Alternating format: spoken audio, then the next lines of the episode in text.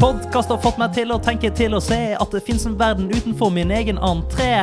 Palestina, Israel, vi håper dere finner en løsning på konflikten slik at alle parter vinner. Vinner er en state of mind, attitude med biggest blind. Poker gir meg språket til å løse opp intertwined. Inter Milan er en klubb fra Milano. Kjører tur til Spania, Atletic Bilbao. Spiller ball med Ødegård, banker hardt på døren vår. Utenfor står gjesten med en flybillett, kjører går. Kjører går til Asia, liten tur til Afrika. Ta med meg litt solkrem og et nett for malaria. Myggstigge mygg stikker stygt i min rygg. Løper rundt i baris for jeg føler meg trygg. Trygg er mitt mellomnavn, Trym er min mellommann. Trives godt med Exit, kall meg Tobias Sattelmann. Du hører på Typisk Indek med Jakob og Håkon.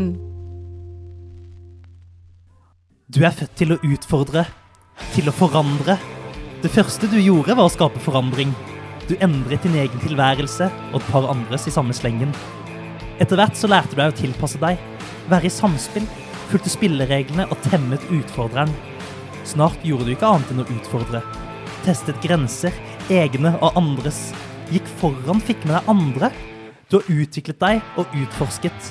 Hatt nye ideer, nye meninger. Du har tatt folk imot, men også pushet dem. Våget å prøve, men taklet å feile. Så ikke bli passiv nå. Du må ta fart, satse. Så skal vi hjelpe deg med å satse videre. Bli klar, bringe nye perspektiver. Inspirere til utvikling, tett på det du skal bli klar for. Arbeidslivet. For det er dette fremtidens arbeidsliv trenger. De som ikke er redde for å tenke nytt, ikke er redde for endring. De som utfordrer, inspirerer og skaper. Slike som deg. Høgskolen Kristiania. Velg en utdanning som utfordrer. Hvilken type reklame dekker feeden din om dagen, Håkon? Du, Jeg er sannelig ikke helt sikker på det, men jeg har også mye studiesteder. Får ofte BI, men derre 'gaming er fett'. Du får den, ja. Ja, Den er får jeg ofte. Men en veldig kul karakter. Funnet på selv. Nei, dette er meg som eh, imiterer den reklamen som jeg hører overalt. Ikke bare på min private feed på Instagram, Facebook eller på browseren, men jeg får altså så mye Høgskolen Kristiania på alle podkaster jeg hører. Overalt hvor jeg ser, det er Høgskolen Kristiania. Velg en utdanning som utfordrer. Og jeg syns det er så teit, fordi teknologien burde skjønne at jeg er student på NTNU og er straks ferdig. For meg er ikke absolutt. dette relevant. At trykka, ikke interessert. Men det dukker opp fortsatt. Jeg ser det overalt. Høgskolen Kristiania. Så nå vil jeg gjerne at eh, NTNU skal komme seg på ball, og ikke bli utkonkurrert på alle plattformer av Høgskolen Kristiania, Akademiet, Westerdals. Du nevnte BI. Ja. NTNU, lag litt reklame der òg. Ja, du vet jo at det er fordi at det ikke er en privatskole. Det er fellestrekk for alle de som er her, at det er privatskoler. De tjener penger på reklame. De tjener penger på elever. Derfor har de reklame. Ingen offentlige Derfor har de råd til å lage reklame? Ja, rett og slett. Det er ikke noe vits heller for NTNU, da, egentlig. Nei. De klarer seg godt. Men det er derfor disse her må ha reklame. De trenger studenter. De må markedsføre seg Ja, godt. ja, ja. Men de trenger ikke mer, det burde de skjønne. Nei, burde skjønne. Jeg får også opp reklame for flybillett, altså flysalg. Reis hit etter jeg har kjøpt en flybillett. Det er sånn, jeg har kjøpt billetten min. Det er bra at man får tilpasset reklame til det man har søkt, men de burde også skjønne at nå har du kjøpt det. Mm. Nå har du kjøpt dette, trenger det ikke lenger. Men Håkon, du er jo født til å utfordre, så jeg vil gjerne utfordre deg med å høre om du kan gi meg en 15 sekunders elevator pitch av NTNU, siden de ikke har noen reklamer selv. Ja, jeg kjører på, jeg. Elsker du matte? Elsker du å sitte på en stol og høre på en forelesning? Elsker du PC-en din? Bli med på NTNU, da vel. Her er det studenter. Den tror jeg sitter, der. Den selger. Ja, den selger. Håper folk der ute hører på podkasten vår og Ja. vurderer om de skal begynne på NTNU eller Høgskolen Kristiania. Vi kunne hatt med litt mer om uh, sosiale miljøer, da. Studentlivet. Det er jo unikt. Det er jo bra. Ja. Studentånden lenge leve. Mm. Men du elsker jo å lære, du også, Jakob? Gjør du ikke det? Jeg elsker å lære, jeg elsker å ha rett, og jeg syns jo akkurat som det er at det er ubehagelig å ta feil. Så derfor vil jeg nå bare korrigere noen av de påstandene jeg har kommet med tidligere, ettersom dette er den siste ordinære episoden for sesongen. Det er mulig det kommer noen spesialepisoder, men vi har jo en litt diffus linje mellom løgn, sannhet og overdrivelser. Men noe har jeg presentert som sannhet, som i etterkant har vist seg å være feil. Så jeg vil bare si et par ting, og det er at slimål ikke er Norges nasjonalfisk. Ja, de vant kåringa i NRK 9-timen i 1982, men resultatet ble underkjent. Så det var en slags prank av alle de som ringte inn. Så torsken er Norges nasjonalfisk, og derfor får Erlend Heier ett poeng for sitt svar i quizen vi hadde mellom Håkon og Erlend i episode syv fra i høst. I tillegg så viste det seg at Nordstrand, bydelen i Oslo som Olaf er fra, ikke ligger i Nordre Follo. Jeg blanda Nordstrand med Oppegård, som enhver sørlending kunne gjort. Så jeg vil bare lette min samvittighet og si at det var feil. Alle kan ta feil. Håkon, har du noe å be om tilgivelse for nå i sesongens siste ordinære episode? Er det en ting som gnager meg mye, så er det egentlig at jeg slo opp med kjæresten min ved Ghostu i 7. klasse. Jeg bare slutta å svare på meldinger. Det sitter fortsatt i, altså. Da tenkte Så- jeg podkastøyemed. Ja, nei, der er det lite. Hvis jeg har sagt noe feil, så klipper vi det som regel bort. Men vi er jo like på noen områder, Jakob. Jeg digger også å lære, og nå tenker jeg at vi og lytterne der hjemme kan lære litt mer om Beck Management Consulting, vår sponsor.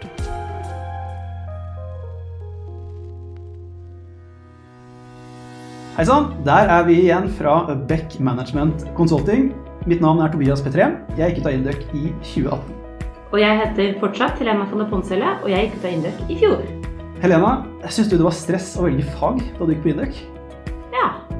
Ja, det tror jeg mange syns. Og den eh, problemstillingen der forsvinner jo ikke helt når du begynner i Beck, hjørnet. Nei, det er sant. Fordi ved siden av prosjektarbeid så velger alle i Beck hvert år en faggruppe, altså et tema som man ønsker å lære mer om gjennom året. Og det kan enten være noe helt nytt som man ikke kan noe om i det hele tatt, eller noe man kan litt om og har lyst til å fordype seg i. Mm. Min faggruppe for eksempel heter Startup Lab, der hvor vi lager nye konsepter og tjenester. Mens din faggruppe heter da Sirkulære forretningsmodeller. Stemmer. Mm. Så møtes man en gjeng bekkere én til to ganger i måneden og jobber med caser, lærer teori eller noe midt imellom. Og det vi prøver å få til her, er jo selvfølgelig at man får utviklet seg personlig, men også faglig for et tema du selv brenner.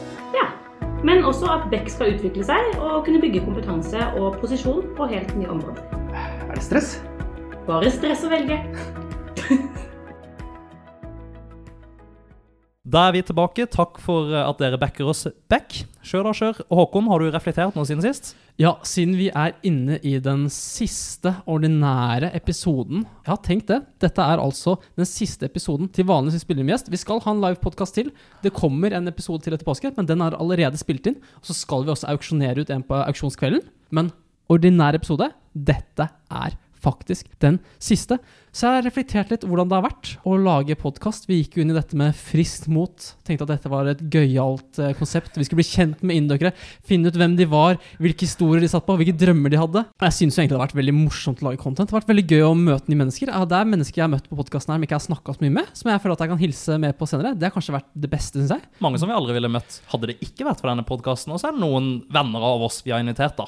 Absolutt. Og det har vært veldig gøy å lage. Veldig gøy å kunne få si akkurat det jeg har lyst til. Spesielt Håkons refleksjon er en spalte jeg har satt utrolig pris på. Jeg elsker å fortelle ting jeg leser om på internett. Du trenger jo litt rom til å utfolde deg, Håkon. Vi har Ja. prøvd å tilpasse dette opplegget sånn at det skal passe oss begge to. Så kan vi du er jo en meget krevende sidekick.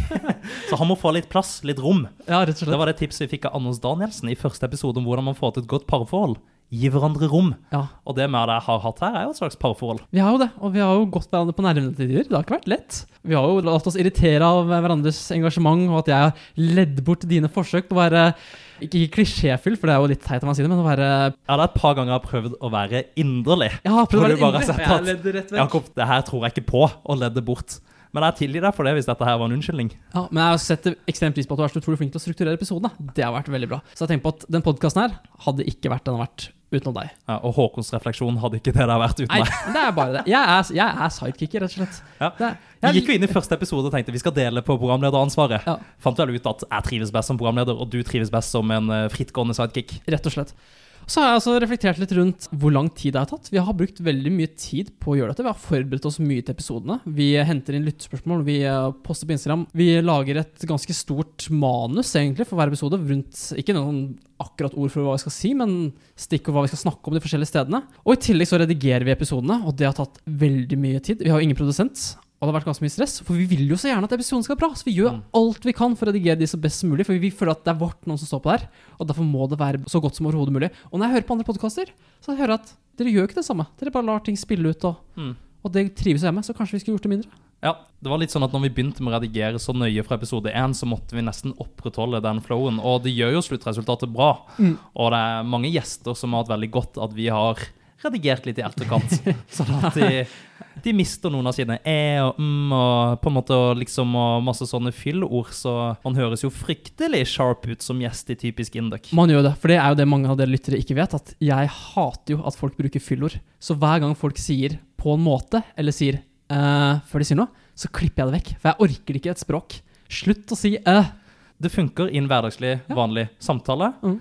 Men i en podkast så lar man seg irritere av de. Man vil ikke ha de lydene der på øret. Det er ingen innhold, ikke noe content. Få det bort. I tillegg så gjør det episoden vår litt kortere. Ja. Men alt i alt, en fantastisk opplevelse. Jeg gleder meg til å se hva våre arvtakere kommer til å få til. med Hvem enn det kommer til å bli. Vi har ikke peiling. Nei. Og dette er jo da kanskje en, en litt kjedelig Håkons refleksjon, da. Men jeg har lyst til å få det ut. Fortelle litt om mine tanker om det hele.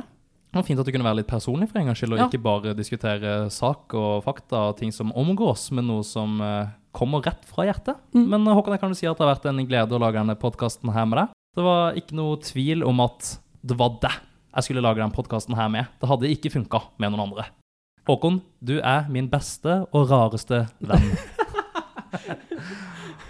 og vi får satse på at lytterne der ute har likt det vi har holdt på med. da. Vi gjør det jo litt for oss selv, men mest for dere der ute. For Absolutt, å prøve absolutt. å bidra til uh, Indøk-universet og være et eh, tilskudd til det, det kulturelle tilbudet som uh, har rundt seg. Mm. Så vi håper at vi kan ha fungert som en samlende faktor med de historiene vi har samla, og prate om litt fag og litt person og ja, alt det som eh, angår et uh, Indøk-liv. Og så vil vi jo egentlig at folk skal bidra til studietilværelsen. Ta på dere verv. Vi vil det. Det har jo vi gjort fra dag én. Det har vært revy, det har vært fotball Ja, nå skal ikke vi sitte her og være selvgode, men Nei. vi har jo gjort en del for Indøk, vi to. Men jeg ønsker bare at andre gjør det. Fortsetter å opprettholde den kulturen som har vært. Absolutt. Nei, skal vi si at det var det fra Håkons refleksjon, så skal vi snakke litt om dagens gjest. Ja, la oss gjøre det. Vi får besøk av Andreas Brynesen i 5. klasse. Ja, en hedersmann av rang, leder av indekskomiteen. Vi har nevnt han sikkert eh, 50 ganger i podkasten tidligere, og endelig får han være gjest. Det blir helt konge. Mine damer og herrer, her får dere en jingle. Yes, da har gjesten ankommet studio, og Jakob Her får dere introduksjonen av dagens gjest. Den 5. april 1995 ble dagens gjest født på Halden sykehus. Det første sykehuset som ble reist i Norge etter andre verdenskrig, i 1952. Samme år som vinter-OL i Kastabelen i Oslo. Og disse sammenhengene er neppe tilfeldige, ettersom dagens gjest har et tett og personlig forhold til både krigshistorie og olympiske leker. For verdenskriger og verdenssporter er det første han tenker på når han våkner, og det siste han tenker på før han sovner. Han ble aldri noen olympisk mester selv, men han benker i dag 150 kilo, og kanskje skal ikke drømmen om OL skrinlegges med det første. For hvis Index-tur noen gang kommer på OL-programmet, så vil samtlige bookmakere i samtlige bettingselskap sette pengene sine på dagens gjest. Han er rett og slett forbanna god på Index. Og han er forbanna på pandemien som satte en stopper for den sjukeste turen han aldri har vært på. Men der pandemien en dag skal dø, så vil Sør-Korea leve for alltid. Og kanskje en vakker dag langt der fremme får dagens gjest plantet sine føtter i Østens Paris, Sør-Koreas Tromsø, den tredje verdens Østfold eller Asias sjelhus, om du vil.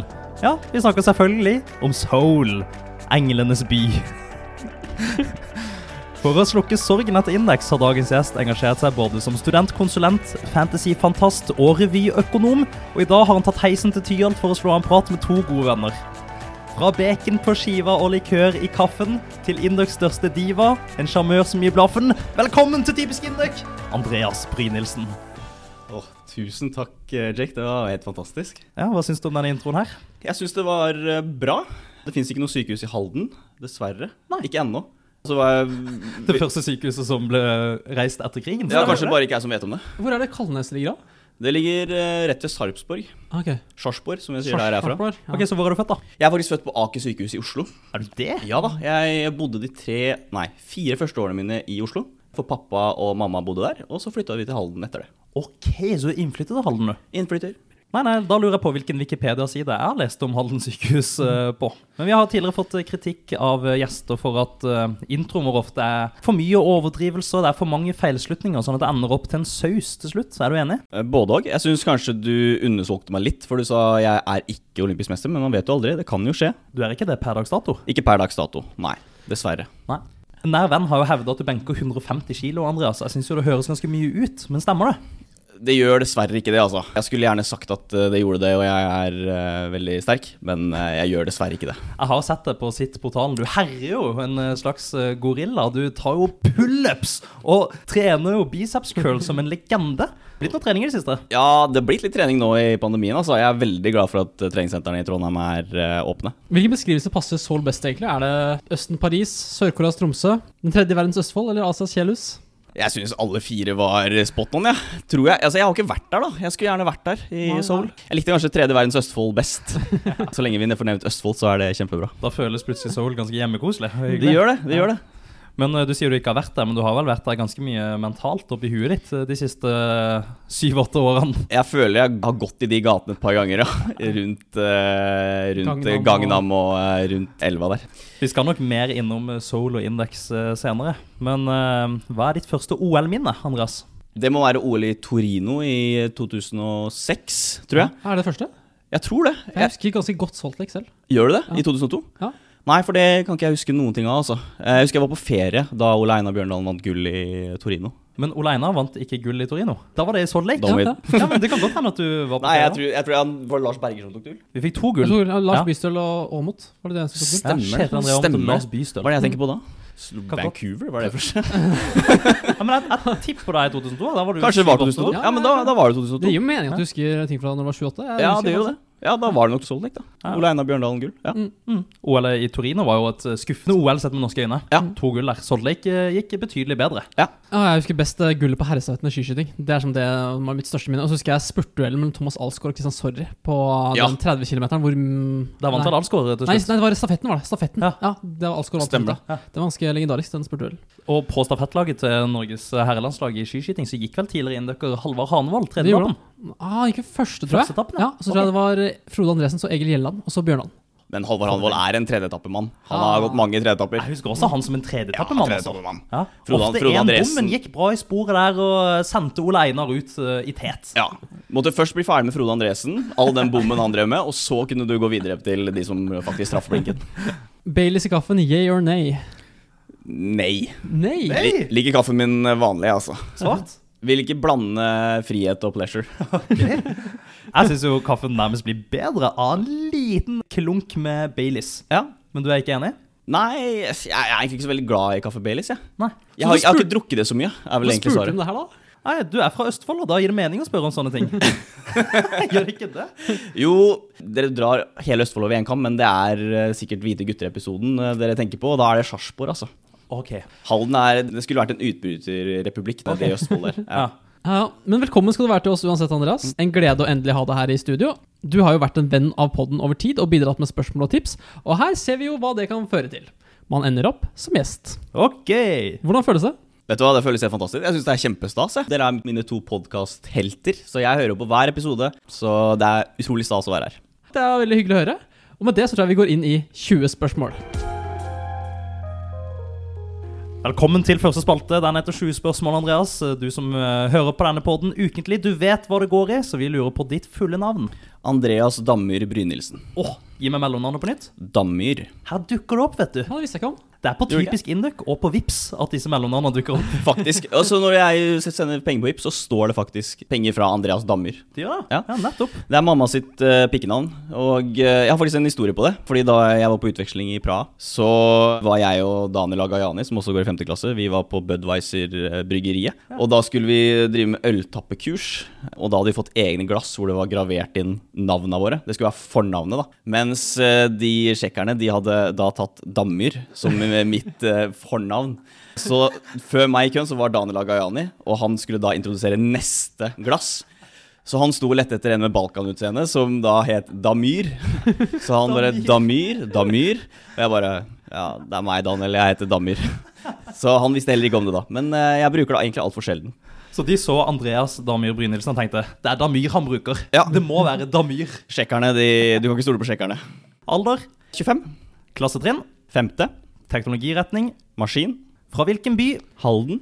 sivilstatus, Singel. løpende verv, Revyøkonomimedarbeider. Norges tredje lengste ord. Ref for episode. Kan du si det igjen, Andreas? Revyøkonomimedarbeider. Å, den er fin! Ja, fin da. Og så vil vi legge på litt sånn revyøkonomimedarbeidersamtale. Åh, da er vi enda lenger. Hvis vi får en fylkesmann der i tillegg, da snakker vi. Det er sjelden man ser andre mennesker som har en fascinasjon for lange ord. Jeg syns også lange ord er kjempegøy. Ja, det er flott. Ja, jeg hørte dere snakke om det med Andreas i forrige episode. Andreas var lidenskapelig opptatt av språk. Ja. Og særlig da kasus, men også lange ord. Ja, og i skrivende stund har jeg, eller snakkende stund har jeg også fortsatt indekslederverv for 2020. Ja, Du har det? Ok, ok. Har du en jobb ved siden av studiet? Ja, jeg jobber som eh, konsulent i et selskap som heter Junior Consulting. Og så er jeg også Studas. Studias i hvilket fag? Styring.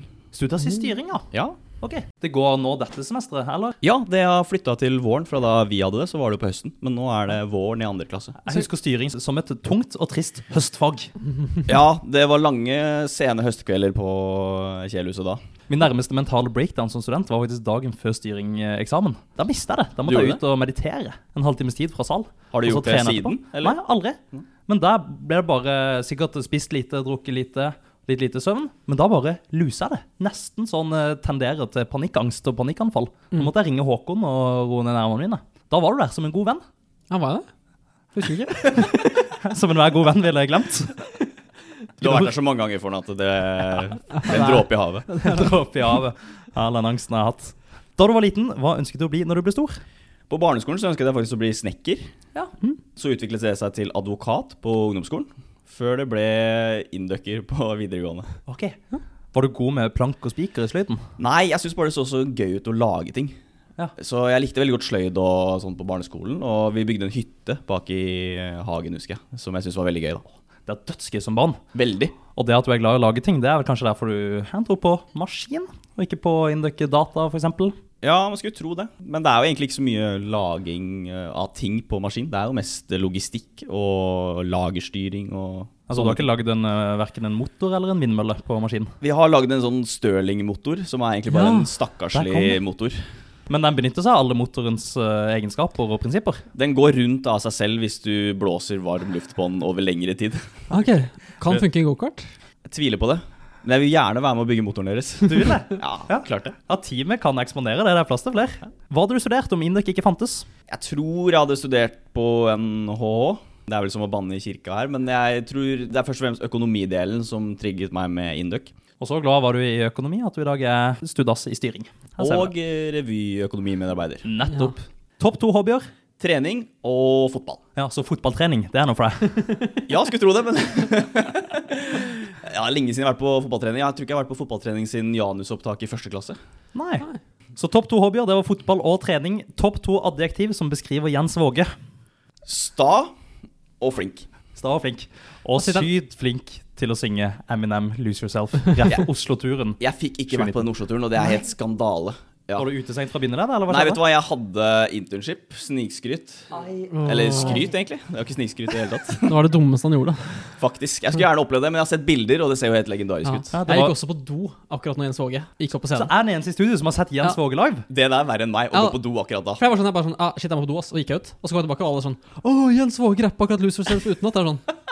For det var ingen som har vært på scenen før da. Så jeg var sånn, jeg regner ikke med at det skulle skje. Jeg Det bare er sånn, mitt beste minne på Induc. Det var altså så overraskende, og han er jo så flink. Han er en musikalsk fyr. Han sitter nede på Samfunnet i Radio Revolt og snakker om musikk uh, ukentlig. Men han kan også rappe som en helt. Og han er egentlig en mye bedre økonomimedarbeider enn meg, for han har holdt indeksfortet ved like alle de tre årene her. Ja, altså, dere har jobba tett sammen, dere to. Ja, vi har jo det. Vi har blitt uh, godt kjent, uh, i hvert fall profesjonelt. Og det var de vanlige spørsmålene. Nå kommer det et par kreative fra meg. Vi skal holde oss litt til penger. Hvis jeg hadde fått en krone for hver person som hadde blitt koronasmittet i Norge, hadde jeg hatt 85 000 kroner nå. Har du kjøpt leilighet eller til høsten? Ja, det har jeg faktisk.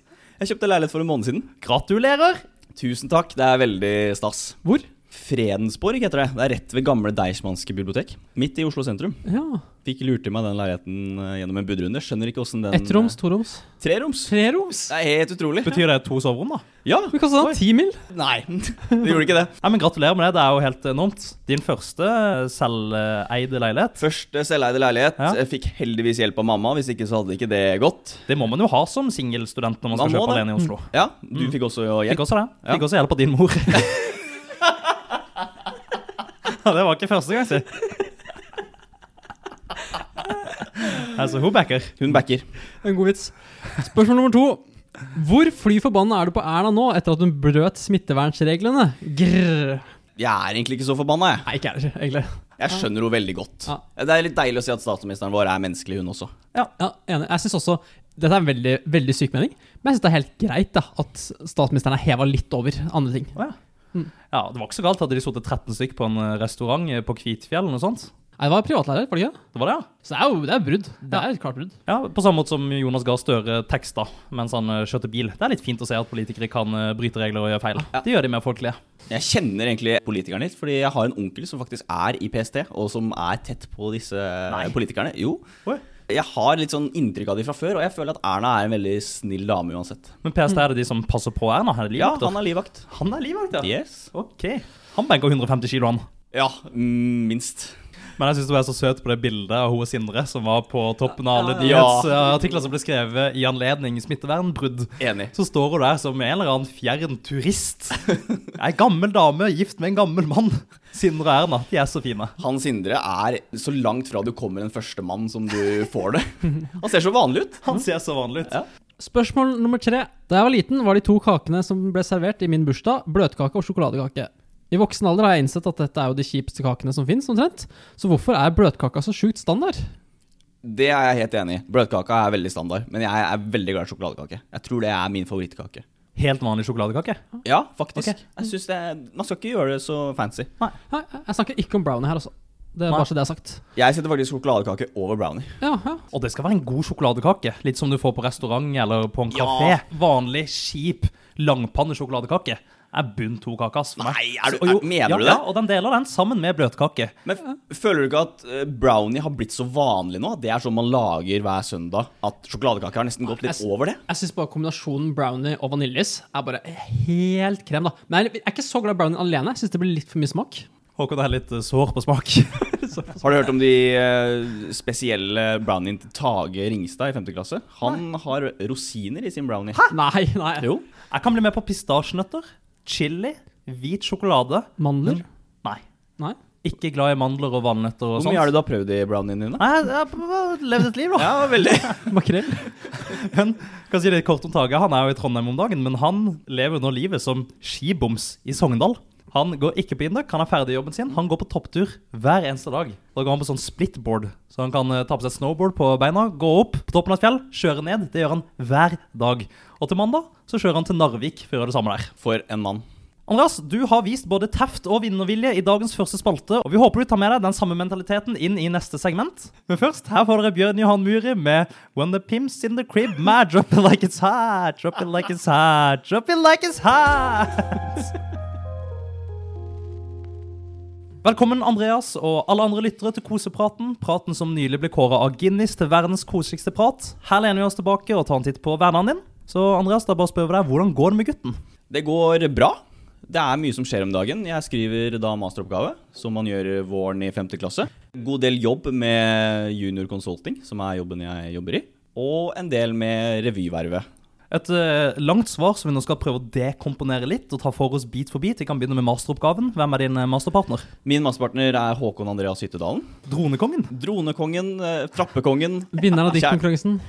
Han også hører på hver episode mens han går trapp. Mens han går trapp, ja. Ja. Så vi motiverer han, når han løper 75 minuttersøkter opp Faktisk. Granåsen. Det gjør dere. Wow. Nei, det er på trappemaskin, selvfølgelig, for han kan jo ikke ha pause. Nei. Det er pause å løpe ned. Altså Han skal Ja. kun løpe opp. Ja, Konstant Konstant i 75 minutter. Hvorfor snakker vi om trapper? Og Håkan, nå? kan du gi oss konteksten her? Min masterpartner Håkon Andreas Hyttedalen skal bli verdens beste trappeløper. Er litt av et mål. Vi etterspurte en ny Halvard Hanevold i forrige episode. Vi har kanskje funnet det. Hvis Håkan vinner VM i trapp. Ja, og det kan han fort gjøre, faktisk. Han er eh, i god form. Wow. Og jeg vil bare spørre kort om du kan gi en elevator pitch av din masteroppgave. Hva skriver du om? Vi skriver om realopsjoner innen eiendom, som er da en del innen finans. Hvor vi da skal verdivurdere et spekulativt eiendomsprosjekt og finne ut hvor mye en investor kan tjene på en spekulativ eiendom. Ok. Skal vi ta begrepet realopsjon først? Hva er det? Det er en opsjon i det virkelige liv, kan man eh, enkelt kalle det som. I motsetning til en finansiell opsjon? Ja, for det er av abstrakte eh, assets, da. Ja. Og det har en sammenheng med det engelske ordet option. Ja, det er valg. Det er et valg. Det er et valg. Ja. Du kan kjøper velge å kjøpe. til å kjøpe eller selge. Ja. Nei, Skal vi ta for oss eh, litt kjapt om junior òg? Du nevnte det. Hva er junior consulting? Junior Consulting er Norges største studentkonsulentselskap.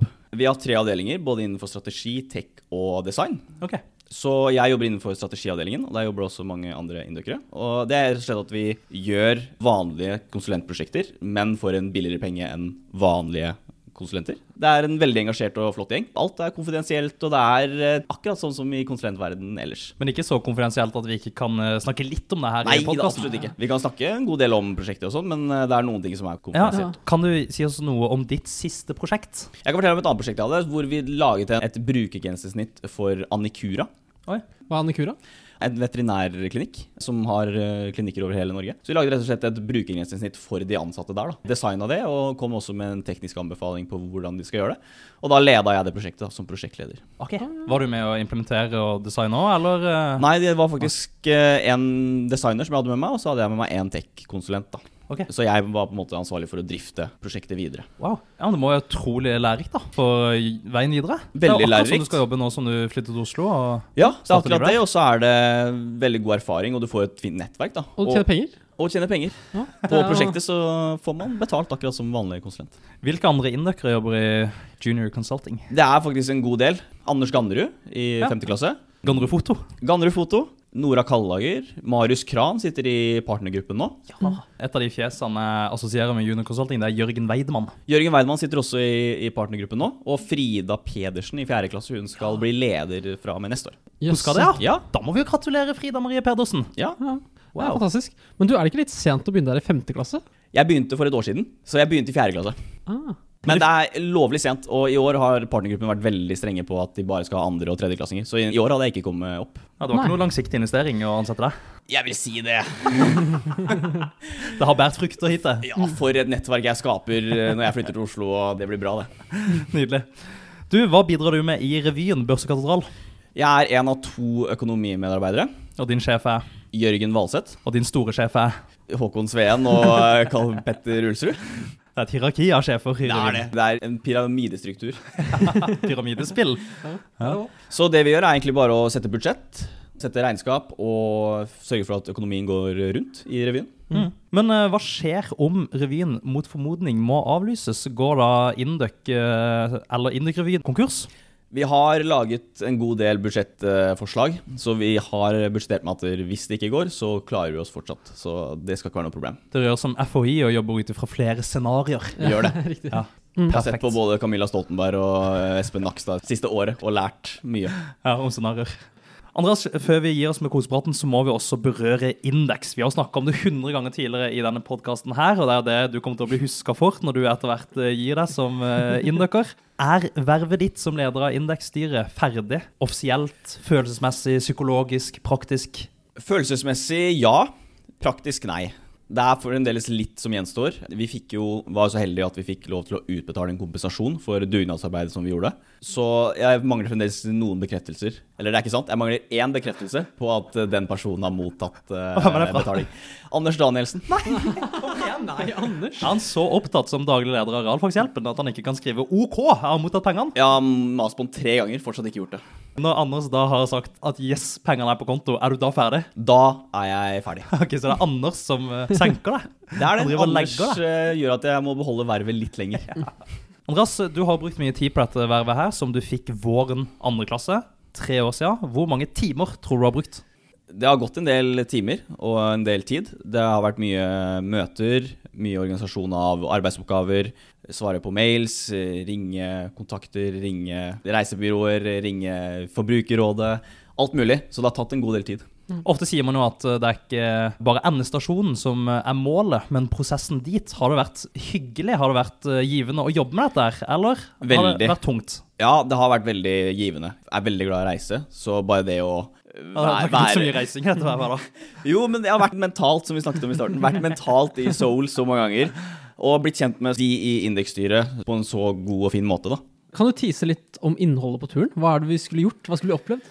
Vi skulle vært på grensa til Nord-Korea. Fett. Nå må dere bare lukke øynene der hjemme og late som dere er søkere, så skal vi høre litt på hva vi skulle opplevd. Ja. Vi skulle mellomlanda i Qatar. Fotball-VM uh, 2022. Der støtter jeg boikotten, og det gjør du òg, Håkon, som nå er igangsatt fra norske fotballsupporterklubber. Men tenk om vi kvalifiserer oss. Kan det gå? Det kan jo gå! Ok, da må Brøyt være på jobb. Jeg boikotter uansett. Videre. Rett på velkomstmiddag. Gratis eh, drikke. åpenbar. Ja, fordi det hadde Amanda Krutnes fiksa. Det hadde hun gjort, og da skulle selvfølgelig jeg være edruvakt. Så skulle vi på en fjelltur dagen etter, til en topp i nærheten. Frivillig, selvfølgelig. Og så onsdagen skulle vi til grensa til eh, Nord-Korea. Og så skulle vi også på et eh, bedriftsbesøk til Kia. Det var også planlagt. Det var det Anders Gannerud som hadde fiksa, eller? Det var det. Han hadde ringt direkte til toppledelsen i Kia og Ja. fiksa et eh, bedriftsbesøk der. Det har jobba så utrolig mange flinke mennesker i det styret at det har vært veldig veldig givende. Ja, kult. Vi har fått spørsmål fra Håka, din masterpartner. Hvorfor ble det ikke noen indekstur til Sveits? Var det noen gang på planen?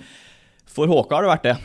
Da jeg stilte spørsmålet i den klassegruppa Har dere forslag til hva vi kan gjøre i Norge, så svarte Håka Sveits. Håka er jo ekstremt glad i Sveits. Så han ser jo på å kjøpe seg hus der og leve der. eh, Og han kan sikkert flytte dit òg, hvis han får muligheten. Er det fjelltoppene? Det er eh, fjellene og Ja, det er først og fremst fjellene, tror jeg, som er ja. Du har bedre muligheter for dronekjøring i Sveits enn i Norge. Det blir litt finere Instagram-videoer der. Det er ganske fint i Norge òg, må ikke glemme det. Ja, Hva er Norges eh, Sveits? Det blir jo kanskje Sunnmørsalpene eller eh, noe Hardangerfjorder. Du har jo ganske spektakulær natur i Norge òg. Lofoten. Ja, du har ikke de samme fjordene i jeg selv, men du har, eh, du har mye gode fjell. Altså. Ja. Jeg tror vi sier at det var det fra indekspraten, og vi gir oss da med kosepraten, og vi går inn i Håkons Fantasy Football Bank. Velkommen hit til Håkons Fantasy Football Benk, eller hva skal jeg si Fantasy Football Bench, eller Fantasy Football Bench Boost. Woo! Noen av mine favorittpodkaster, altså de jeg hører på mest, er faktisk fantasy-podkaster, som Wildcard FC og Fantasyrådet. Men dette skal jo ikke bli en sånn type podkast, men vi tar det jo litt opp i dag likevel. Og Andreas, hva er det med fantasy football som er så bra? Det er bare så utrolig gøy og så utrolig frustrerende på en og samme tid. Altså, Det ødelegger dagen min mer enn det gjør meg glad. Ja, samme, egentlig. Altså, det er mer lidelse enn uh, satisfaction i spillet? Ja, jeg vil ikke si lidelse, det er mest bare skuffelse og irritasjon. At jeg bare er så skuffa over både meg selv og spillerne som ikke gir meg poeng, og alle valgene jeg tar. Fortell litt om det opplegget du har kjørt i gang i femte klasse. Ja, jeg syns det var altfor lite føss rundt Fantasy Premier League i klassen vår.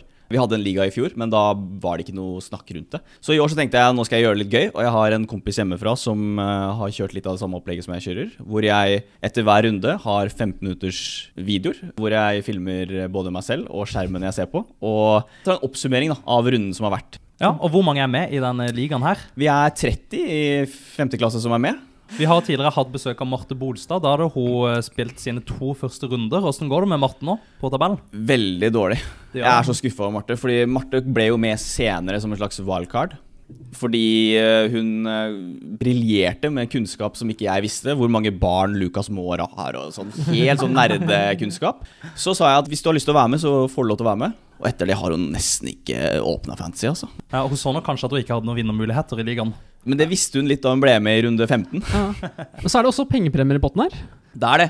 Det er en 300-liga og en 100-kronersliga. Og du og jeg, Håkon, spiller jo i 300-ligaen, og vi er ganske nærme hverandre. Vi er det. Jeg leder jo akkurat nå. Hvem er det som ligger godt opp på tabellen ellers? Anders Ganderud leder jo klart hele ligaen. Han, det er første året han spiller, og han er blant topp 10 000 i verden. Og for de som ikke spiller fantasy, så er det altså 8 millioner som spiller der. Han er topp 10 000 i verden, ja! Ja, Det er ganske utrolig, når, i hvert fall når man spiller første sesongen sin. Han kan mer enn å ta bilder. Han kan det. Kan dra foto. Veldig mye mer. Hvem andre gjør det bra på tabellen? Thomas Lindberg er helt oppi der. Mm. Så er det vel du som er neste på lista der. Stemmer. Og så kommer Jonas Haga og Kristian Hagen tett i tett. Du, Bendik Nyttingnes, helt der oppe. Det var gøy at du sa i stad, Håkon, at du leder. Jeg leder 300-kronersligaen. Som vil gi deg en pengepremie på Å, er det ikke sånn 2400 da? Det er noe sånt. Ja. Altså, Sier ikke nei takk til det? sier ikke nei takk til det. Nei. Men det er mye prestisje, da. Sett Det er bort fra Ja, ja. pengene. Og så er det har bygd dette opplegget her så opp. Du hauser det opp hver eneste uke, skriver lange Facebook-innlegg der disse videoene Alle prater jo om det på sal. Jeg syns det er veldig gøy at uh, spillere som aldri har spilt fantasy før, faktisk nå er skikkelig dedikerte. Og at uh, mye av det er min fortjeneste. Det syns jeg er veldig stas. Og man blir mer interessert i fotball også, som er mitt favorittemne å snakke om på skolen generelt. Fotballkamper, ting som har vært. Ja, Man blir mer interessert i fotball, og det blir mer spennende å se en kamp mellom Burnley og Fulham. Men et fenomen med fancy er jo at man heier på sine egne spillere. Man kan til og med slutte å heie på sitt eget lag, fordi det er, man vil heller at uh, Sala skal skåre mot ManU og få poeng fordi man har Sala som kaptein, enn at uh, ManU skal vinne. Hva syns dere om det konseptet der? Jeg prøver å se så mye bort fra det som mulig. Prøver å legge fancy fra meg når jeg ser United. Nå blir det veldig teknisk her, men eh, jeg byttet ut eh, Bruno Fernandes før han skårte mot Manchester City. Og jeg syns det var helt greit. Du syns det, ja? Ja, faktisk. Det var, eh, smakte godt. Ja, nei, jeg føler det samme. Jeg tror også jeg selv klarer å skille det fra hverandre. Men vi kan snakke litt om hva som utgjør en god fantasy-spiller. Hva som skiller de gode fra de dårlige. Hva vil du si det er? Planlegging. Ja, Det å lese seg opp, gjøre research, planlegge langt fram i tid, det tror jeg er det aller viktigste. Og husk å bytte lag er også en ting. Det er veldig viktig. Husk å gjøre noe med laget ditt som du ikke ender opp med det samme som du startet med. Magnus Vettin har ofte gått på en smell der. Sover litt lenge en lørdagsmorgen, og vips, så var fristen gått ut. Han klager på meg hvis jeg maser på han om fristen, og han klager på meg hvis jeg ikke maser på han. Så You can't der, win. der kan jeg ikke vinne. Ja, men Du snakket om det å tenke mange runder frem her. Det er kanskje noe jeg vil trekke frem som det, noe av det aller viktigste også. Du har jo ganske decisive gameweeks i løpet av sesong, Ja. Som vi har vært innom nå. Det er jo Decisive game weeks. Men det er litt morsomt, fordi i stad da jeg og Christian Schnell og Einar Romsås spiste lunsj, så kom Håkon bort. Han eh, hadde ti sekunders fri fra mandag, og da sa han jeg må bare snakke ti sekunder fantasy. Og da var det rett på jeg gjør dette i Gameweek 34. Og det er, det er fire Gameweeks til. Ja, jeg, jeg, jeg har som regel planlagt hele prosessen. Hva jeg skal gjøre diverse, Se på kamprammet, tenke hva jeg skal gjøre de forskjellige gangene. Og så justeres det også litt etter hvert, da, etter hva som skjer og sånt. Men jeg har liksom en grunnplan som jeg følger. Og det har vært veldig suksess tidligere. Men eh, fancy er jo et eh, strategispill på samme måte som sjakk og wordfeud. Ja, og man eh, bør også bruke statistikk. Det er jo ganske lett å lage modeller. Vi har jo en gjeng som sitter og gjør dette på sal akkurat nå. Thomas Lindberg og Christian Schnell. Du vet jo hva de driver med? Ja, de skriver en optimeringsmodell for fantasy, rett og slett. Det som er litt morsomt, er at begge to har blitt dårligere etter at de begynte å skrive. skrive. Ja, det er gøy. Det altså ble skrevet for tre år siden av William Eilertsen og et par andre. Jeg husker ikke helt hvem det var som var med på oppgaven. Men de skrev også en oppgave om fancy football tilbake i 2017. da Hvordan man skal få best mulig lag, gjør de riktige byttene. Mm. Det er gøy å skrive oppgaver om noe man er interessert i også. Jeg synes alle de oppgavene hvor folk har lagd oppgaven selv, de høres mye kulere ut enn de vi sitter og jobber med. Jeg husker For et par år siden var det noen som skrev om hjørnespark. De analyserte hva Oi. er det perfekte hjørnesparket. Og de ble hyra inn av Rosenborg og Barcelona for å dele fra sine resultater. To like klubber der, altså. to like store klubber. Du, hva er din favorittchip på fantasy? Den tenker jeg på triple captain, bench boost og free hit. De tre. Triple cap. Triple cap, ja. Jeg syns det er den morsomste, fordi den kan du spille når som helst. Det legges veldig opp til når du skal spille free hit og når du skal spille benchboost, føler jeg. Ja, ja. Når det er mange dobler. Men hvis det bare er én dobbel, så kan det jo være like greit å bruke triple cap. Interessant. Jeg syns nok benchboost er morsomt selv, Fordi da kan man isolert sett få mange poeng. Fikk 199 poeng en runde tilbake i 2017, som er min beste runde, enkle runde noensinne. Du nådde ikke 200, da. Den gylne grensa. Ikke noen 200. Det aldri. hadde vært stort. Da hadde jeg også kapteinen på Alexis Sanchez, som skåret fire mål i runden. Og fikk 25 poeng alene. Så hadde jeg liksom 12 poeng på resten av laget mitt. nesten. Helt rått. Du, I Norge, hvilket fotballag er det som er ditt? Er det Fredrikstad, eller? Nei, absolutt ikke. Det er ikke det? Nei, vet du hva? Jeg er faktisk oppvokst som Vålerenga-gutt. For jeg er født og oppvokst uh, rett i nærheten av Valle. Ja. Det har blitt det, men så er pappa veldig iuga Rosenborg-supporter. Så etter at jeg flyttet til Trondheim, så har det egentlig blitt mer og mer Rosenborg. da Ja, det, ja. Ah. Men jeg følger ikke så veldig mye med på norsk fotball, dessverre. Men husker du hvor du var da Vålerenga tok gull i 2005? Jeg husker ikke akkurat hvor jeg var, men jeg husker at etter det, den sommeren, så var vi i Oslo, og da kjøpte jeg Vålerenga-sko, hvor det sto 'Seriemester 2005' på. Er det sant? Vi sier at det var det fra Håkons Fantasy Football Bench Boost Benk. Vi skal nå gå inn i Indøk-praten. Hei, Andreas, og velkommen til Indøk-praten. Vi må ha litt forankring til det vi alle studerer i dette studio. Industriell økonomi og teknologiledelse på NTNU. Hvorfor valgte du nettopp Indøk? Det blir veldig klisjé å si, men det var kombinasjonen av teknologi og økonomi som trigget meg mest. Men det er jo et godt svar. Jeg tenkte akkurat det samme selv. Ja, og det var en kompis av meg hjemmefra som tipset meg om Induc på videregående. Mens vi var på en sånn utdanningsmesse, så sa han bare at det kuleste studiet på NTNU er Induc. Tenkte jeg, hva i alle dager er Induc? Hva driver han med nå? Han har vært i Forsvaret og studert ingeniørstudier der. Så det er enda fetere enn igjen. Ja, han er mye, han er mye fetere enn oss. Så da fikk jeg øynene opp for det, og jobbet da målrettet mot det. Og kom ikke inn de to første årene, men var fast bestemt på at jeg skulle inn hit, da. Ok, Hva gjorde du de to årene du ikke var her? Det første året så utdannet jeg meg som gymlærer. Er du gymlærer? Ja da. Er det en egen utdanning på ett år? Det er et årsstudium i kroppsøving og idrett, da, som det heter. Okay. Så jeg mangler pedagogikk for å bli en gymlærer, og nå må man jo ha mastergrad. Men Må- eh, for å være lærer, ja. For å løpe litt rundt og si 'nå er det hjørnefotball'? Ja, eller man må jo være mer enn en gymlærer da, for å få jobb. Yes. Ja, men Du kunne steppa fint inn som vikar på en barneskole. Det kunne jeg veldig fort gjort, og jeg har jo hatt praktisk eksamen som gymlærer og gjort. Men du så- kunne ikke blitt ansatt som lærer på permanent basis? Nei, det kunne jeg nok Fordi du har jo ikke firer i norsk. Så man må ha Er det ikke det, eller er det tre? Nei, det er vel fire, ja. Jeg Det er tror det. fire Ja. I norsk og matte. Ja. Og engelsk. Nei, kanskje tre i engelsk. Er det ikke fire i norsk, matte og engelsk? Jeg tror kanskje det. Ja, men jeg tror matten gjelder kun P-matte. At du sa S-matte eller R-matte. så Ja, er det det er ikke. hvilken som S-matte. Ja, Ja. riktig. Nei, så eh, da hadde vi gym fra 09 om morgenen til 11.00 på dagen. Ja. Så dro jeg og trente. Så spilte jeg Fifa til jeg eh, la meg. Så det var livet. Og da merka jeg at jeg måtte ha briller, så jeg begynte med briller i den perioden fordi jeg så så mye på skjermen. Ok. Ja. Ja, Du må se på ting lenger unna. Det får alltid jeg beskjed om av min uh, optiker. Hver halvtime skal kikke ut av vinduet og finne noen tretopper langt der bak. Da trener du øyet, da trener du øyet til å se på, bruke litt muskler. Funker det? Det vet jeg ikke, for det har ikke jeg gjort. Men det er jo en grunn til at masse kinesiske barn i dag trenger briller. Fordi alle sitter bare og stirrer på skjerm og bok. Ja. De ser ikke på ting langt unna, som man gjorde når man var jeger og sanker. Man hadde jo ikke dårlig syn før i tida. Nei, Nei. jeg er faktisk langsynt det. jeg. Ja, Er det det motsatte av meg, eller? Ja. Men eh, jo, jeg gikk eh, idrett for å få poeng, da, for å komme inn på Induc. Og det førte meg da videre til neste år, hvor jeg da valgte å reise da, for å oppleve verden. Og eh, dro på en fire måneders tur til Asia og Australia. Fire måneders? Ok, du kom ikke jorda rundt, men du tok Østen. Tok Østen. Tolv land til sammen, tror jeg. Klarer du å nevne alle kjapt? Forente arabiske emirater, India, Maldivene, Malaysia, Indonesia, Thailand, Kambodsja, Vietnam, Laos, Singapore, Australia og Japan. Og så tar du alle bare baklengs. Japan, Australia Nabai. Å, du mente sånn baklengs? Ja, da sånn hadde da sånn hadde vi ekte stått der en stund. ja. Det fins noen som kan det. Jeg kan se et ord, og så ser det like lett baklengs som Det er ikke meg. Det er ikke meg Du heller. Japan. Hadde du tenkt å dra til Japan etter solo også, eller tenkt å dra et annet sted?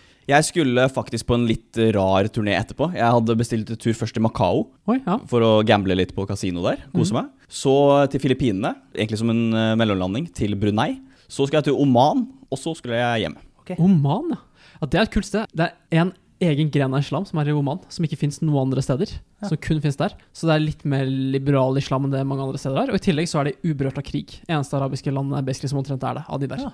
Og sammen med Saudi-Arabia, men Oman er mer åpent. Så det er veldig kult land å dra til. Veldig spesielt. Er de gode venner, eller, med nabolandene? Nei, de holder seg litt for seg selv, alle syns det er helt greie, men ingen bryr seg så mye om det. Det er jo der Avicii døde. Ja, det er det. Døde Avicii i Oman, ja. Ja. Avicii døde i Oman. I hovedstaden Muscat. Usikker på om det var i Muscat eller om det var uh, lenger ned langs kysten der. Men eh, Det er så gøy, for jeg hørte noen si en gang at Avicii døde fordi han tok overdose på muskatnøtt. Ja. Og Det er så sjukt gøy at noen sa det, Fordi det er ikke det i det hele tatt. Det er ikke det? Nei, Nei, jeg hørte også det. Men det er jo bare fordi han var i Muscat. Det er sikkert derfor folk har misforstått. Døde i Muscat. Ja, Muskat. Ja, han døde av muskatnøtt. Men nå har du gått på Induk i fem år. Hva ser du tilbake på, Andreas?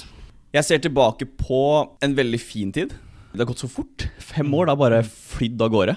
Og så føler jeg egentlig at det har vært et skille i år. For eh, fra første til fjerde klasse så var jeg et avstandsforhold som var i Oslo. Så jeg fikk ikke dyrka på en måte det Trondheimslivet så mye da, som jeg har fått gjort i år. Nei. Så jeg føler at eh, i år har jeg jo storkost meg her i Trondheim og syns det har vært helt fantastisk. Jeg føler jeg har sett mer og mer av det jo lengre vi har gått i klasse sammen. Andreas. Jeg husker ikke det fra første klasse. Gjør du ikke? Nei, gjør ikke det. Det er ikke så rart, for jeg var veldig mye i Oslo-hallen. og Jeg var det, altså. Okay. Jeg var mye borte. Ja.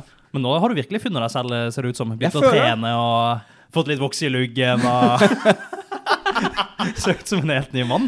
Ja, Før så hadde jeg ikke voks i luggen. Man blir så slekk vet du, når man er i et eh, forhold. Tenker du at studenttida skal være den beste tida i livet? Nei. Jeg tenker at den beste tida er framover, jeg. La oss se fremover. Hvor er du om ti år? Jeg tror jeg bor i et stort hus med min eh, partner og forhåpentligvis noen barn. Og jeg har en fin jobb som jeg trives med. Ja. Hva er en god jobb for deg, tror du? En jeg trives med. Jeg er ikke så veldig opptatt av akkurat eh, hva det skal være, eller eh, hvor høy status det skal være, eller hvilken stilling. Bare Nei. at jeg er fornøyd der jeg er, og tjener såpass mye at jeg kan leve av det. Så er jeg storfornøyd. Men du er ikke partner i Junior Consulting om ti år? Nei, da må jeg bli student igjen, og det har jeg ikke så gira på. Har du fått jobb til høsten? Ja, jeg skal begynne å jobbe i et selskap som heter Genus. Genus, ja. Hørte om det. Kan du si litt kjapt hva de driver med? De driver med noe som heter low code, som er sånn som jeg har forstått det, enkel og visuell koding. Ja, det er det konseptet. No code er kanskje litt beslekta, eller? Det er det mange som driver med. Og no coding er det nye. Men jeg tror det er grafisk programmering. Ja. Flytter elementer, og koden ligger bak der. Du skal ikke trenge å se den. Nei, riktig. Det er det som er konseptet. Altså, de har laget sin egen plattform, som jeg da skal jobbe i og lære meg å ha ut mot kunde. da. Jobbe jobbe som dataingeniør, eller? Business engineer. Ok. Yeah! Altså skal vi jobbe mest med å skaffe kunder og pleie de forholdene, egentlig. Ja, og implementere Mm. programvaren hos kunde da, blir på Mm. en måte mitt ansvarsområde. Men de har også en avdeling som utvikler eh, plattformen videre. Ja. Ja. Er det noe du ønsker å få til? Har du noen eh, mål i livet? Jeg har lyst til å løpe en maraton. Det skal være realistisk. Det skal være mulig å få til det. Ja. Begynt å løpe mye i det siste, og syns det her har blitt eh, gøy. Så er jo det beste med trening er jo det å komme seg ut og få gjort noe annet enn å sitte med skole. Da. Andreas, hva er typisk Induc for deg? Det blir eh, også gjentakelse, men det å være engasjert føler jeg er en veldig fellesnevner. I tillegg, før jeg begynte på Induc, så var jeg veldig redd for det å begynne på et prestisjestudie. Syns det var litt skummelt. Det at det var spisse albuer, og det var en litt sånn ovenpå og ned-holdning fra de man uh, gikk sammen med. Men sånn har det jo absolutt ikke vært. Det er jo så mange, eller bare hyggelige mennesker som går induck. Og jeg var litt redd for at uh, det skulle være mange som var veldig annerledes enn meg, som ikke likte å ta seg en fest og liksom gjøre andre ting enn skole, da. Men uh, det har det jo vært nesten det motsatte. At alle er sosiale og utadvendte og gira på å gjøre andre ting. Andreas, en millionspørsmålet i Vil du bli millionær. Er du typisk Induc? Nei. Nei! Da krever vi en forklaring. Jeg har kanskje blitt det i år, mer og mer. At eh, jeg har engasjert meg mye mer i både verv og med mennesker og vært en del av det Trondheimsmiljøet. Jeg føler jeg er utadvendt, men ikke ekstrovert. Nei, det fins. Det er en kombo som fins. Ja, jeg liker også det å være alene og må ikke være med mennesker hele tiden. Og det føler jeg kanskje er litt eh, typisk Induc. Ja. Vi sier at det var det fra Induk-praten, og nå skal vi inn i lytterspørsmålsspalten. Velkommen til spalten der vi overlater regien til lytterne. Vi har fått spørsmål fra venner og fiender, fra øst til vest, fra fotball til fest. Vi starter med spørsmål fra Christian Schnell. Her står det faktisk Kristin Schnell. Det er litt morsomt. Kusina til Christian Kristin. Andreas er jo fra Halden, og da er det naturlig at han deler sine beste bacontips. Det har blitt en sånn greie i 5. klasse at jeg er en bacon-ekspert. Og da legger vi veldig trykk på bacon. B-e-k-e-n. For de som ikke snakker like bredt, vi snakker naturligvis om bacon. Vi snakker om bacon, ja. Jeg må nesten skuffe Christian Schnell og si at vi har ikke vært så baconfolk hjemme hos meg. Så jeg har egentlig ikke funnet bacon igjen før de siste årene.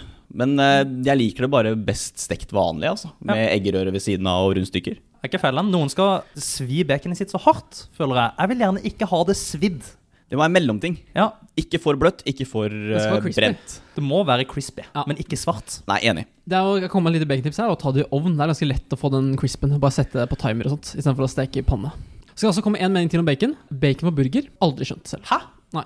Og det er digg, da! Nei, jeg synes det er helt under. Å, jo. Ja, ja, det, det må med nesten, det. Nei, jeg På, synes på er burger. helt overflate. Og når du får både bacon og litt god, gul ost, da snakker vi. Ja, ja, ja. Ost og bankers, men bacon trengs ikke. Aioli ved siden av der med søtpotet fries og jeg liker også søt på det fries. Vi tar neste spørsmålet fra Christian Schneller. Vi skal holde oss litt i burgerland. fordi Christian spør Hvis du besøker Ras kafé og frisør på Bakklandet, vil du da helst ha kebab i håret eller hår i kebaben? Jeg kjenner ikke til eh, Ras kafé. Du gjør ikke det, nei? Nei. Ras kafé og frisør. Samme eiere, samme folk som jobber. Sier du det? Der får du burger på den ene sida av veggen og en ny hårklipp på den andre sida av veggen. Er det sant? Å ja da. Da er det bare å gjøre burgersveisen. Burgersveisen, ja. Så spørsmålet er kebab i håret eller hår i kebab? ja. Kebab i håret. Kebab i håret, Ja. ja. For det kan du dusje bort. Ja, det kan du dusje fint bort. Vi har fått et lyttspørsmål fra Amanda Krutnes, 5. klasse. Jeg har hørt rykter om at Andreas har vært i DN allerede som fjerdeklassing. What? Var det DN? Det var i DN. Gjennom indeksvervet så vant jo vi tilbake en god del av pengene som Ticket, reiseselskapet, skyldte oss. Ja. Og da ble det en stor sak, for vi vant enstemmig i Pakkereisenemnda og fikk tilbake hele summen. Vi har vært inne med nemnd, ja, fordi det ble ikke noe rettssak. Nei, det ble ikke en rettssak, eller det ble en nemnd, ja, først okay. og fremst. Og der vant vi enstemmig, og fikk tilbake en halv million kroner til eh, Induc. Fikk vi igjen alle pengene vi hadde gitt, eller ble det en mellomting? Vi fikk tilbake alle pengene vi ga ut. Noe av det fikk vi tilbake før det her, men det var en liten del som Ticket mente at vi ikke skulle få tilbake. Okay. Og det var den vi saksøkte de for, da, gjennom Pakkereisenemnda, og fikk tilbake. Du har saksøkt noen! Ja. Så utrolig amerikansk. Veldig. Og jeg er sjukt lyst til å saksøke noen selv, altså. Vi skal holde oss i medielandskapet her. Fått spørsmål fra Magnus Wettjen. Hvilke rykter er det ikke noe i? Med henvisning til en NRK-reportasje. Ja, jeg var russepresident i Halden. Og eh, mens jeg var russepresident, så gikk det rykter om at Bærumsrussen hadde en knute som var å voldta en russ fra Halden. Oi, At den fantes som en russeknut i Det Bærum. fantes som en russeknute i eh, Bærum. Det var ikke noe hyggelig. NRK Østfold er på ballen. Dette må vi ta tak i. Så de kom på skolen, og det var kamera, og det var intervju og hele pakka. Ok, Og da måtte du på vegne av russen da si nei? Dette syns vi ikke noe om. Men jeg prøvde å kontakte russepresidenten i Bærum, men han svarte meg aldri. Nei, Helt så sant. Ja, nedverdigende. det er sånn ovenfra-nedholdning altså, fra Bærum der. Fy Og faen. nå- Jeg snakker ikke med folk fra Halden, ass! Ja, det gidder jeg ikke. Hall er det Sverige? Nå er vi en del av Viken alle sammen, så nå håper jeg vi kan finne en forbrødring der, da. Vi skal fortsette i mediegreiene. Hvor mange ganger har du vært i media, Andreas? Og hvorfor er du så mediekåt? Har Magnus Vetten her, eller? Jeg liker jo å stikke trynet mitt fram der det er mest exposure, da. Så blir, og døde. Sa han og spurte oss om han kunne være gjest i podkasten. Nei, det skal jeg ikke ha på meg. Du og Brynjar Glimsdal. Han spurte om å Han spurte. han Ja, spurte. ja, ikke oss, riktignok, men våre forgjengere. Ja. Han sendte melding. Hei, kan jeg være gjest? Men dere må si at jeg ikke har spurt, for hvis ikke så Nei, du, du spurte Du er invitert. Du er den første vi ville invitert. Eller det vil si, du er den siste.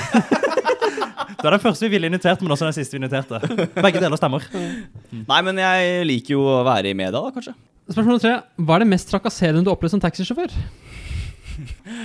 Det var vel da en person eh, bæsja på seg i baksetet. Nei! Nei. Jo. Har du vært taxisjåfør? Ja, jeg jobba som taxisjåfør i Halden. Både gymlærer og taxisjåfør. Ja. Nei, jeg jobber som taxisjåfør for å finansiere verdensreisa mi. Så jobba jeg da i butikk på dagen, og så var det en del kvelder jeg jobba som taxisjåfør på kvelden. Nei, men eh, historien er at jeg kjørte gjennom en fyr, det var ganske sent natt til søndag. Og eh, så kjørte jeg hjem, og da vi kom frem til der han bodde, så åpna opp døra. Spydde ut av døra og bæsja på seg. Nei. Så jeg måtte da tørke bort, ja. Oh, Men da får vedkommende en bot både for spying og for avføring. Nå skal jeg komme med et lite tips. At uh, selv om taxisjåfører sier at dere får bot for noe, så kan ikke de Da må de anmelde for å få den boten. Det er bare tull. Det er ikke noe automatikk i det, nei. Nei, nei. Det har vært folk som bare har sagt sånn Jeg kan ikke betale. Nei. Eide du din egen taxibil, eller var du ansatt Nei, jeg kjørte og- Jeg var ansatt for noen, Ja, ja. men shit, da skal jeg bæsje mye mer i taxifilmer. Altså.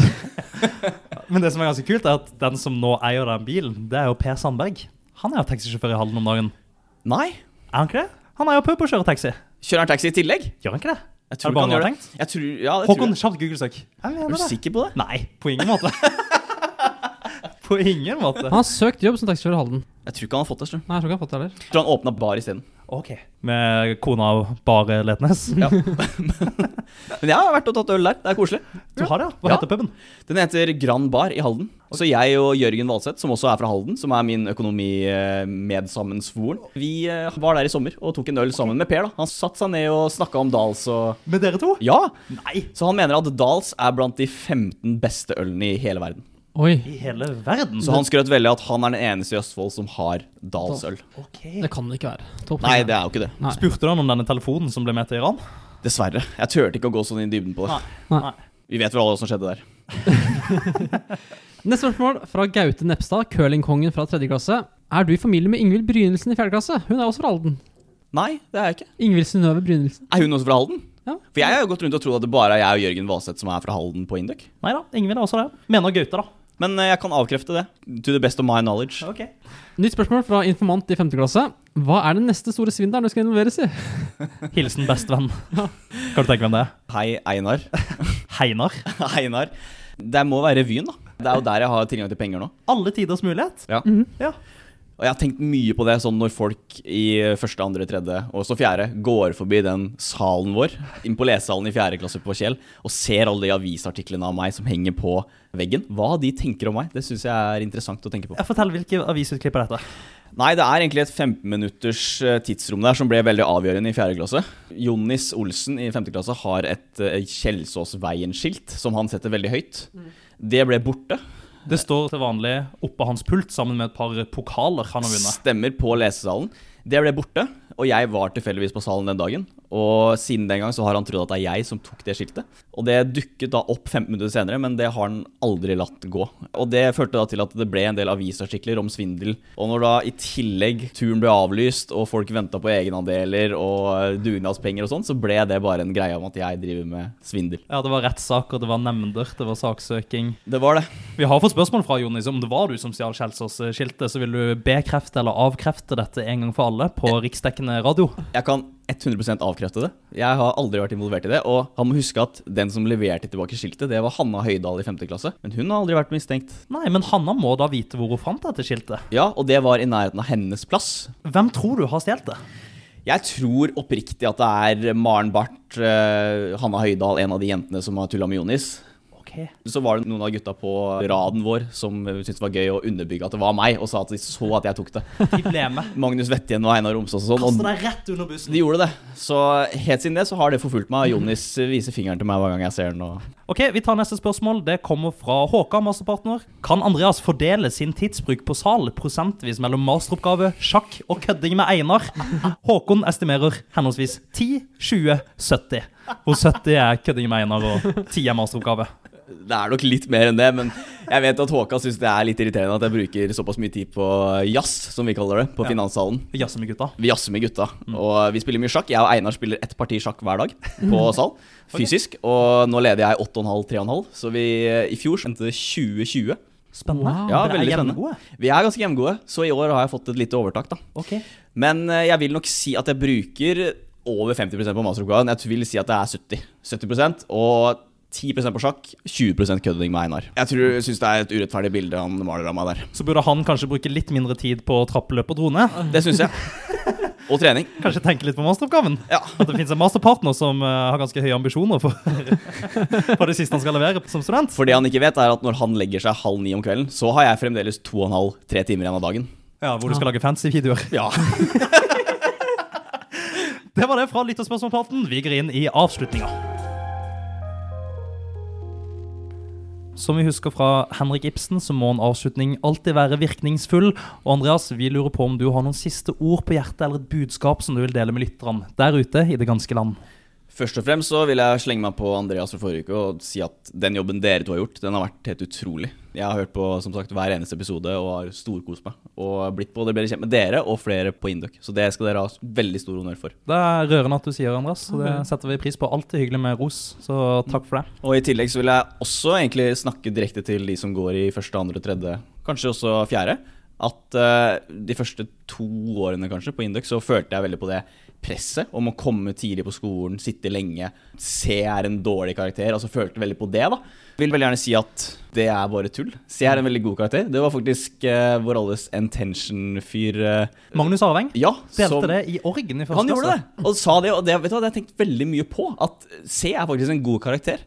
Og ikke føl på det at du ikke kom på skolen en dag, eller uh, føler at det du gjør ikke er bra nok, fordi det er det. Og så får alle en god jobb uansett. Nyt heller studenttiden, og vær med de menneskene som uh, betyr noe for deg. Fantastiske ord. Det er dette budskapet jeg har prøvd å lokke fram i alle gjestene har stilt det spørsmålet. Har noen siste beskjeder til lytterne?